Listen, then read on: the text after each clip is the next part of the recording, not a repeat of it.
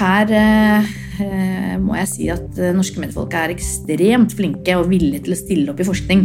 Eh, og jeg opplever også at eh, eh, at man er interessert i og, eller er villig til å komme med, med synspunkter, og også der hvor det er tvil og, eh, og, og så videre. It's a disgrace. And I think they ought to apologize to start with dominere mediebildet. a failing Media pile of garbage, Pause. false and fake, fake, fake, fake, fake, fake. Hei og velkommen til en ny episode av Pressepodden. Mitt navn er Jan Magnus Weiber Ørdal, og nå i dag har vi tatt turen til Oslo Met for å snakke med en av Norges ferskeste professorer i journalistikk, Carolina Andrea Ilebekk. Velkommen til Pressepodden. Takk skal du ha. Vi skal snakke litt mer med deg om hva det betyr å innhade den tittelen, og hva du forsker på, skal forske på, ønsker å forske på osv. Men aller først en liten reklamepause. Ønsker du å annonsere i Pressepodden? Kontakt oss på annonse at medie24.no. Ja, Karoline Andrea Gjellebekk, eh, du fikk altså det formelle opprykket som professor i journalistikk her på Oslo Met i januar. Eh, Aller først, gratulerer da så mye. Takk skal du ha. Hvordan føles det nå, etter noen måneder i den nye stillingen? Nei, det føles eh, veldig bra å ha blitt eh, professor. Det er jo et resultat av langvarig arbeid, eh, så det er klart jeg er stolt, eh, stolt over det. Mhm. For oss som eh, Jeg skal ikke kalle meg akademiker selv om jeg har eh, gått på universitet, men for oss som ikke er på så, som kjenner dette så godt, hvordan blir man professor i journalistikk? Kan du si noe om det? Altså, eller, eller kanskje mer presist, hvorfor ble du det nå, i januar? Ja, det er flere måter å bli eh, professor på. Eh, for det første så må man ha en doktorgrad eh, og jobbe videre etter det. Men så, eh, så kan man bli ansatt som professor. At det lyses ut stillinger som, som professor som man søker på. Eller så kan man gjøre det på den måten som eh, jeg har gjort det. At jeg først ble førsteamanuensis i journalistikk i Oslo Met. Og så søke om opprykk. Og det innebærer at eh, man lager en stor søknad hvor man, hvor man gjør rede for alt hva man har bidratt med, både vitenskapelig og hva man har publisert på forskningsbasis. Hva man har bidratt med på undervisning, eh, formidling, eh, ledelse osv. Så, videre. så det er en omfattende søknad som da blir vurdert av en komité. Og så vurderer de da om du har eh, gjort bra nok arbeid, og om du er kvalifisert til å bli professor. Så hele den prosessen tok vel fem-seks måneder. Mm. Hadde du tenkt lenge på det? Eh, Jeg hadde tenkt på den en, en stund, og jobbet jo også liksom mot det, at, å søke opprykk. Eh, Så det er klart, det handler jo om å se på CV-en sin. Hva trenger jeg? Eh, Hva, hva har jeg gjort, og hva trenger jeg, og hva trenger jeg å jobbe- med og gjøre videre? Så mm, jeg hadde også vært med på et sånt eh, opprykksprogram her ved Oslo Met, eh, som også hjelper oss å tenke strategisk og, og sette fokus på det vi, det vi mangler på, på CV-en. Så jeg hadde tenkt på det en stund, og, og man vet jo ikke utfallet. Hvis man får, eh, hvis man får eh, nei, så blir man satt i en slags karantene i to år. Da får man ikke lov til å søke opprykk før det har gått to år. Så, eh, så det er jo alltid litt spennende, men jeg håpet jo at det skulle gå riktig vei. Så, så, men jeg ble veldig glad når det også, også ble en positiv tilbakemelding. Mm. Jeg må også spørre Merker du noe endring? Sånn i, altså, eh, jeg regner med sånn yrkesmessig, skal, det kan du jo snakke litt mer om, men merker du noe endring som går i gangen her, folk eh, hilser litt mer aktelig og litt mer respekt, eller er det, er det ikke så mye forskjell? Nei, altså Det er ikke så mye forskjell. Eh, Hvis noe, så er det kanskje mer med en slags humoristisk tone. hvis du skjønner. Altså, Jeg får veldig mange gratulasjoner, og folk er glad på mine vegne. og Fikk melding fra dekanen eh, på fakultetet videre med gratulasjon og, så, og sånn. Eh, Men jeg tror sånn ellers, bortsett fra det, så kanskje det er litt, nesten litt mer sånn tulling. sånn, Ja, ja, proff, nå, nå er du jo professor, og mm. eh, Venner det- og sånn kaller ja, det venner, ikke professor Ilebekk. Ja, litt sånn, ikke sant? Og nå skal vi liksom behandle det annerledes nå som du har blitt professor. Eh, men det sier for meg, så tenker jeg altså, Det sier noe om egentlig at det er en tittel med et slags eh, ja, Hva skal jeg si? Eh, ja, det er en, det er en spesiell tittel, på en måte. Og det, det kan jeg jo merke selv. og tenker sånn, Oi, Så rart med professor. Altså, hvem skulle trodd det? så, så det er klart det, er en, det er en tittel med litt eh, ja, bagasje. Eller, ja. Og ansvar, da, ikke minst. Mm. Mm. Ja, positivt sett. Positivt sett, eh, ja. Fordi em, for rent faglig, og det kan jeg jo tenke meg, men det, det lurer jeg litt på om du kan si litt mer om. For at det, det har jo en del å si. altså som Du ser, du ønska å bli det, du har tenkt på det lenge, du jobba for det, eller eh, for å bli det. Og hvorfor ønsket du det, da? For hva er det dette Er det noen dører som åpner seg, muligheter? Er det, hva er liksom forskjell å være professor eh, kontra førsteamanuensis i, innen journalistikk? Eh, ja, det er jo på en måte en, en karrierestige. Så det å, å bli professor vil jo si at man på en måte er en senior, at man er etablert eh, i, i feltet. Eh, og så har du også noen helt sånne konkrete eh, utvalg, sånn at eh, man får litt høyere lønn, eh, får litt mer forskningstid. Altså stillingsprosenten er delt inn i undervisnings- og forskningstid. Så, så, så sånn sett har det noen konkrete implikasjoner, da. Mm. Eh, så ja. Mm. Ja, du, du, du får mer tid til å forske på, men mindre tid med studenter. da. Ja, eh, noe. Det er bare snakk om 10 eh, så det, Men det betyr jo også at man må ta mer ansvar for forskningen og eh, forskningsutvikling da, på, på instituttet. Så det er jo på en måte ment, ment eh, Den tiden er ment til å brukes til det. Mm. Men med den tyngden, ansvaret som du var inne på, så kommer det jo også flere muligheter. da. Eh, Er det noe du har merka allerede som er lettere å få til, eller noen dører som har blitt åpna nå i vinter?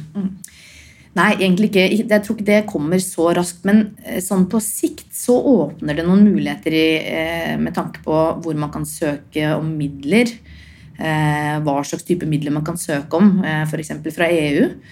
Eh, og også fra Forskningsrådet. at eh, Hvis man skal være prosjektleder, så, så er det bedre om du er professor enn enn førsteamanuensis. Eh, så det åpner noen muligheter på, den, på det planet. Eh, og så er det jo klart at det også ligger et ansvar også om å drive forskningen på, på instituttet. Og eh, også åpne muligheten for nye forskere. Eh, og det gjør man jo også ved å få inn forskningspenger. Da. Eh, så, så en del arbeid framover blir også å tenke nye forskningsprosjekter. Og forskningsmidler. Mm. Mm. Og det skal vi snakke litt om, da, fordi denne forskningen og nye ting eh, Men aller først kan jeg jo bare si at du har jo eh, markert deg, eh, eh, også i Med24s spalter, eh, med medieforskning på f.eks. kommentarfelt, eh, sosiale medier, eh, publikumsdeltagelse i mediene osv. Men de siste årene så har du forsket mest på noe jeg håper å si helt annet, men et litt annet felt. Alternative medier. Fortell litt om, og det vet jeg du fortsatt eh, holder på med. Fortell litt mer om det, hvorfor og hva du gjør det, og hva dere ønsker å finne ut av. Ja. Altså, Interessen min for, eh, for alternative medier begynte egentlig når jeg hadde en postdoc på Universitetet i Oslo. Eh, og Postdoc-prosjektet mitt handlet egentlig om noe annet. Det handlet om eh, innvandring i mediene. Eh, og sånn sett så kom jeg mer og mer i, kontakt. og ble mer og mer oppmerksom på også framveksten av alternative medier som, som hadde på en måte en kritisk brodd til innvandring og til mediedekningen om innvandring i, i Norge. Og ut fra det så eh, fortsatte jeg forskning på alternative medier. Eh, og har nå eh, også det som en del i et eh, forskningsprosjekt som vi har eh, finansiert fra Forskningsrådet. Eh, og som er et samarbeid mellom Oslo OsloMet og Universitetet i Oslo og Institutt for samfunnsforskning. Men, eh, så nå har vi et mye bredere forståelse av alternative, medie, alternative medier. Eh, så vi ser på, en måte fremveksten av alternative medier både på høyre- og venstresiden, og også mer innenfor helsefeltet osv. Så, videre. så vi er jo interessert i dette fordi det sier noe om både den digitale utviklingen, at det er mulig for nye aktører å, å starte nettsteder og produsere nyheter, og som ligger på, en måte på grensen av hva man kan se på som journalistikk eller nyheter. Så vi er opptatt av hva som også skjer med det journalistiske feltet. Eh, og spørsmål om grenser eh, og makt og dynamikker. Eh, og også hva som har vært motivasjonen, ja, hvordan, altså motivasjonen til de alternative mediene. Eh, hvordan de jobber, hva er det de ønsker å oppnå, eh, osv. Så, videre, og så, så vi har eh, hatt et slags bredt syn på det og ønsket å intervjue aktører både fra alternative mediesfæren, folk fra liksom det etablerte mediefeltet, Også sånn som Redaktørforeningen, Mediebedriftenes Landsforening, eh, Medietilsynet, Kulturdepartementet. Så, så spørsmål knyttet til journalistikkens grenser da, og maktforhold i, i, i det journalistiske feltet. Mm. Jeg kan jo bare nevne da, for ordens skyld eh, at jeg som nyhetsredaktør i Medie24 også har blitt intervjuet i forbindelse med dette prosjektet. fant jeg ut eh, Da vi snakka sammen i, i forkant, ikke av deg, eh, men en av dine kolleger. Jeg vet ikke hvordan det blir brukt eller ikke, da, men kan jo være greit å nevne. Eh, eh, men eh, det er også altså, eh, For da, ble, husker jeg også det ble spurt om hvordan man ser på hvilken påvirkning det har hatt på de mer etablerte mediene, da, eller mediebransjen generelt. Kan du si noe om det dere har funnet ut så langt? Altså, hvordan har disse, for dette er jo et nyere fenomen, eh, Ja. alternative medier. Det er et nyere fenomen, og, og um, altså jeg kunne jo også, jeg burde jo også sagt at uh, måten vi også angriper eller definerer dette med alternative medier, da, det er medier som aktivt på en måte tar en, eh, ønsker å være et korrektiv til de etablerte mediene. Eh, og som ofte har et eh, uklart eller eh, litt sånn utydelig forhold til presseetikken. Og, og som ofte har fokus på visse kjernesaker. Kan bli liksom plassert på venstre- og høyresiden. Um, og dette har jo ført også til litt sånn skurring blant de etablerte mediene. Hvordan skal vi forstå dette fenomenet? De utøver en del mediekritikk, de er ute etter spesifikke journalister. Så en del sånne type dynamikker som har oppstått. Um, og en del eh, spørsmål ble jo også, kom veldig sånn tydelig fram når eh, Helge Lurås og Hans Rustad eksempel søkte om, eh, om medlemskap i Redaktørforeningen. De, skal de være innenfor? Skal de være utenfor? Er de kollegaer? Er de ikke kollegaer? Er dette journalistikk? Så, så sånne type ting. Og det, det ser vi en del sånn tvil om eller i, i våre intervjustudier blant nyhetsredaktører. Ikke sant? Eh, veldig mange rynker på nesa når det blir spurt om de ser på, ser på de som jobber i det alternative mediene som kollegaer, f.eks. Men også syns det er vanskelig. Sånn at eh, så ser vi en del sånne andre eh, ting som vi har spurt om, da, i form av ikke sant, man bruker det som eh, Følger med på hva som skjer der. Om man bruker noen saker der som nyhetssaker selv. Liksom, at man bruker de som kilder. eh, Om det har endret noe i krimjournalistikken f.eks., eller identifisering av eh, eh, i saker, og så den type ting. Så det er flere, flere områder vi har vært opptatt av i den eh, forskningen. mm. Og som vi jobber med, å publisere nå, da. Ja, Når eh, kan vi få lese noe av dette, tror du? Hva er tentativ plan? Tentativ plan. Ja, vi jobber med en del eh, artikler ut fra den intervjustudien nå. Eh, vi har eh, Akkurat nå så jobber vi med en intervjustudie vi har gjort med, med redaktørene eller folk som er involvert i de alternative mediene. Og på en måte hva det eh, For dere har intervjua dem også, ja, selvfølgelig? dem også. Mm. Mm. Så mm, nei, forhåpentligvis altså Den akademiske publiseringen tar jo litt tid. Det, eh, så vi får håpe kanskje mot slutten av året eller neste år at det kan bli publisert. Men eh, vi vil nok ha litt tydeligere funn eh, utover mot eh, høsten. Mm. Da får vi følge med. Er ikke, dere har ikke deadlines på samme måte som de vanlige redaksjonene, selvfølgelig. Jeg vet jo det. Um, men er det noe Du nevnte jo det, noen dører som kan bli åpnet, og andre muligheter til å søke midler osv. Er det noen andre felt uh, altså Du må jo lande dette først, eh, selvfølgelig, og det vil jo da som det nevnte, kanskje være i slutten av året. Er det noen andre ting i i andre felt innenfor mediebransjen du uh, har lyst til å se på? Se med på?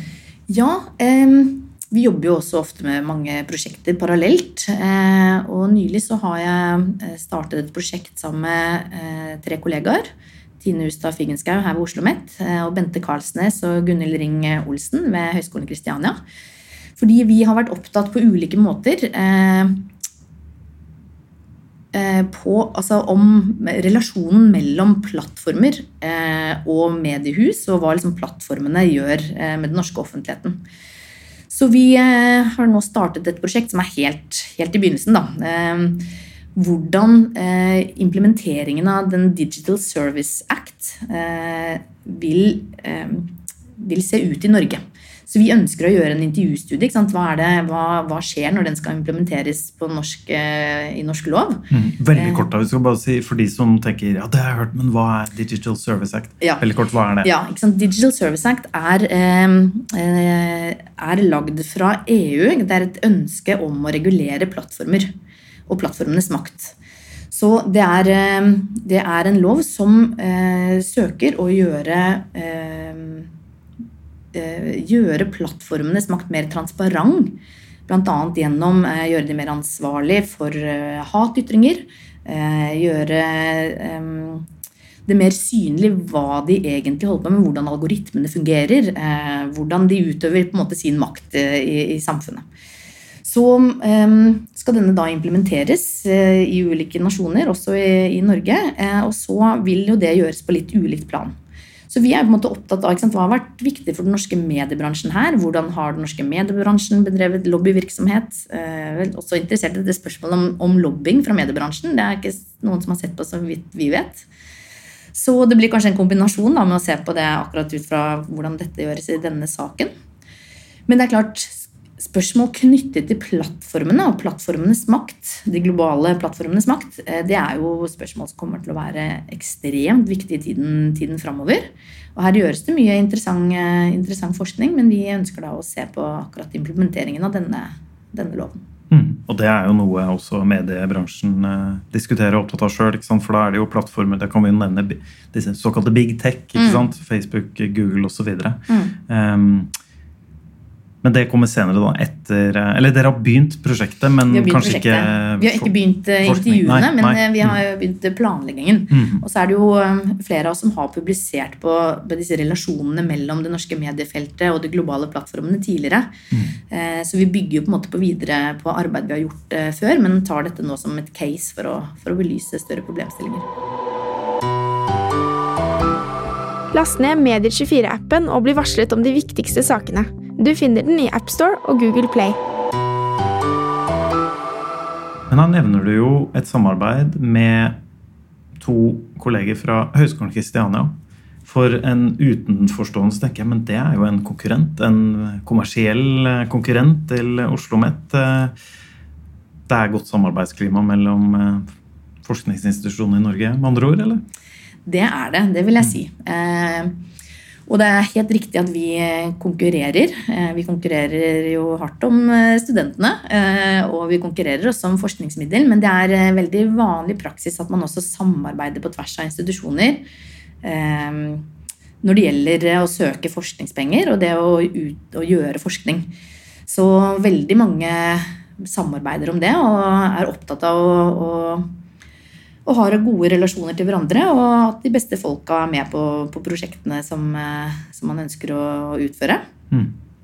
Så vi har, hatt, eh, jeg har samarbeidet eh, tidligere også med, med Bente Karlsnes. Hun har jo også tidligere jobbet her på Oslo OsloMet, og vi har tidligere jobbet sammen på Universitetet i Oslo. Og hun ble professor nesten samtidig som deg? Nesten samtidig som meg. Så vi Nesten, hadde en ja. Mm. professorfeiring sammen, faktisk. Så altså, i akademia så er vi vant til å konkurrere og være kollegaer samtidig. Sånn er det nødt til å, nødt til å være, eh, tror jeg, for å, for å få den beste forskningen på plass. Eh, og heldigvis så er det mange flinke forskere også eh, her i Oslo. Eh, mange bra forskningsinstitusjoner, så eh, da er det jo lett å møtes og ta en øl og diskutere nye forskningsprosjekter. Mhm. Og apropos eh, samarbeidsklima eh, og på en måte forhold. Eh, du og kollegene dine forholder dere jo selvfølgelig som du om i sted, med, eh, til den norske mediebransjen. Eh, I redaktører, journalister osv. gjennom intervjuer og, og sånne ting. Jeg lurte litt på hvordan du som akademiker og forsker da vil beskrive forholdet fra ditt ståsted til den norske mediebransjen. Nei, altså Her må jeg komme med litt sånn uh, uforbeholden skryt, rett og slett. Fordi vi eh, i min forskning og kollegers eh, forskning så har vi brukt mye intervjustudier. eh, hvor vi er helt avhengige av at eh, folk stiller opp eh, og snakker med oss. Og her eh, eh, må jeg si at eh, norske mediefolk er ekstremt flinke og villige til å stille opp i forskning. Eh, og jeg opplever også at eh, eh, at man er interessert i og, eller er villig til å komme med, med synspunkter, og også der hvor det er tvil og, eh, og, og så videre. Så, så det er jo en veldig bra ting eh, og nødvendig for å, også for å forske på mediebransjen og for å få innsikt i, i hva som skjer, og i dynamikker og maktforhold.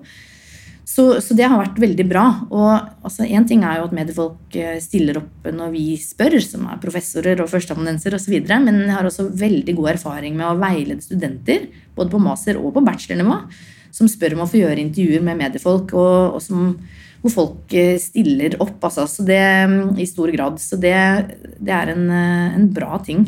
Mm. Er det litt annerledes? Altså, nå kjenner jo du mest til journalistikkfaget og mediebransjen, naturlig nok, da, men er det annerledes i andre sektorer i, i Norge f.eks.? Altså andre forskere sliter mer med å komme inn på andre som du har hørt om? Ja, altså ikke, Jeg tror i Norge så er vi eh, velsigna med, med, at det er ganske nære relasjoner. Vi er et lite land, og, og at det er ganske høy tillit mellom ulike institusjoner og mellom, mellom folk mm. generelt. Og at det fører også til at folk stiller opp i forskning. Jeg tror det er eh, altså, Hvis man skulle sammenligne med andre land som er større land, hvor det er kanskje høyere grad av mistillit, så er det vanskeligere for forskere å få, få tilgang ofte til, eh, til, ulike organisasjoner og institusjoner og, og, folk i maktposisjoner spesielt. Så, så, det er klart vi er heldige her som har, eh, som har tilgang til, til informanter. Det gir oss eh, gode muligheter til å gjøre god forskning. Mm. Ja, fordi Du var inne på det der. Eh, altså Avstanden er eh, litt større mellom akademia og journalistikken i, i andre land som Norge liker å sammenligne seg med, som det heter? eller? Altså Europa, for eksempel, er det annerledes? hvis du drar altså, Det er litt vanskelig å si. Vi har Det prosjektet som jeg snakket om, som vi utfører nå, om alternative medier og journalistikkens grenser, det er et, et skandinavisk prosjekt.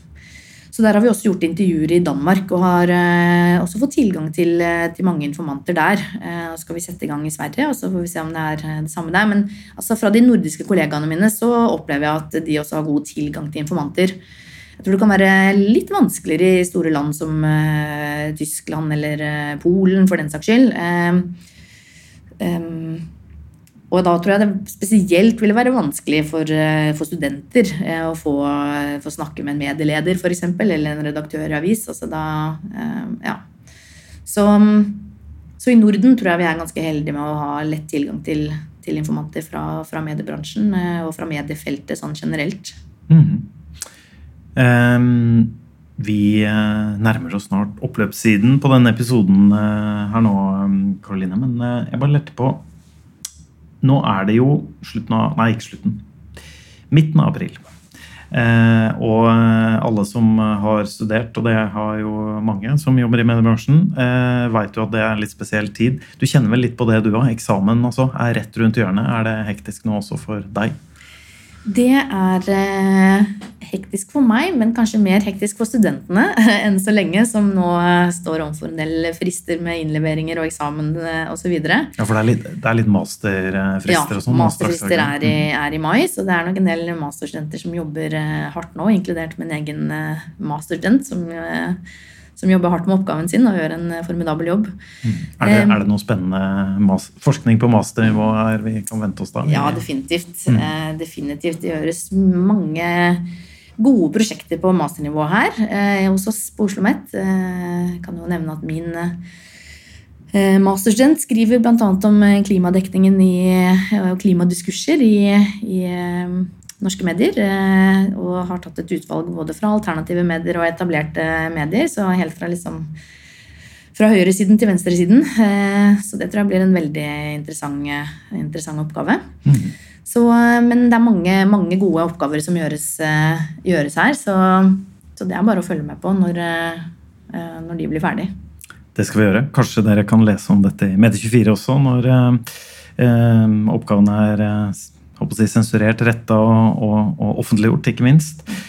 Helt til slutt uh, så tenkte jeg ikke å spørre deg uh, om For nå har vi snakka mye om fra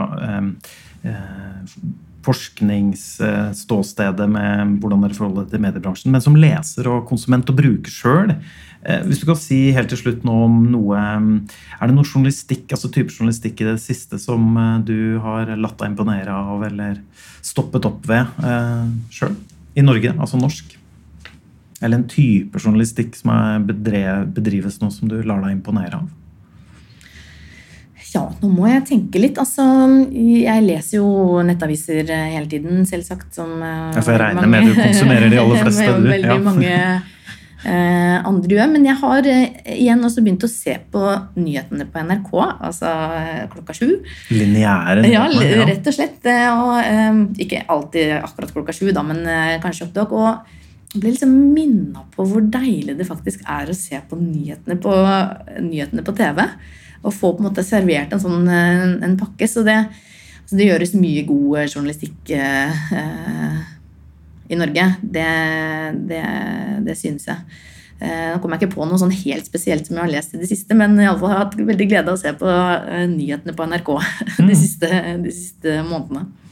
Det blir de nok glade for å høre på Marienlyst. Eh, vi lar det være siste ord i denne episoden.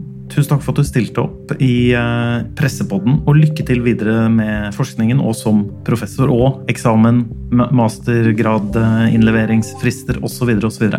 Takk skal du ha. Og det var det som sagt vi rakk i denne episoden, men neste uke så er det en ny gjest og eh, nytt tema i Pressepodden. Vi høres.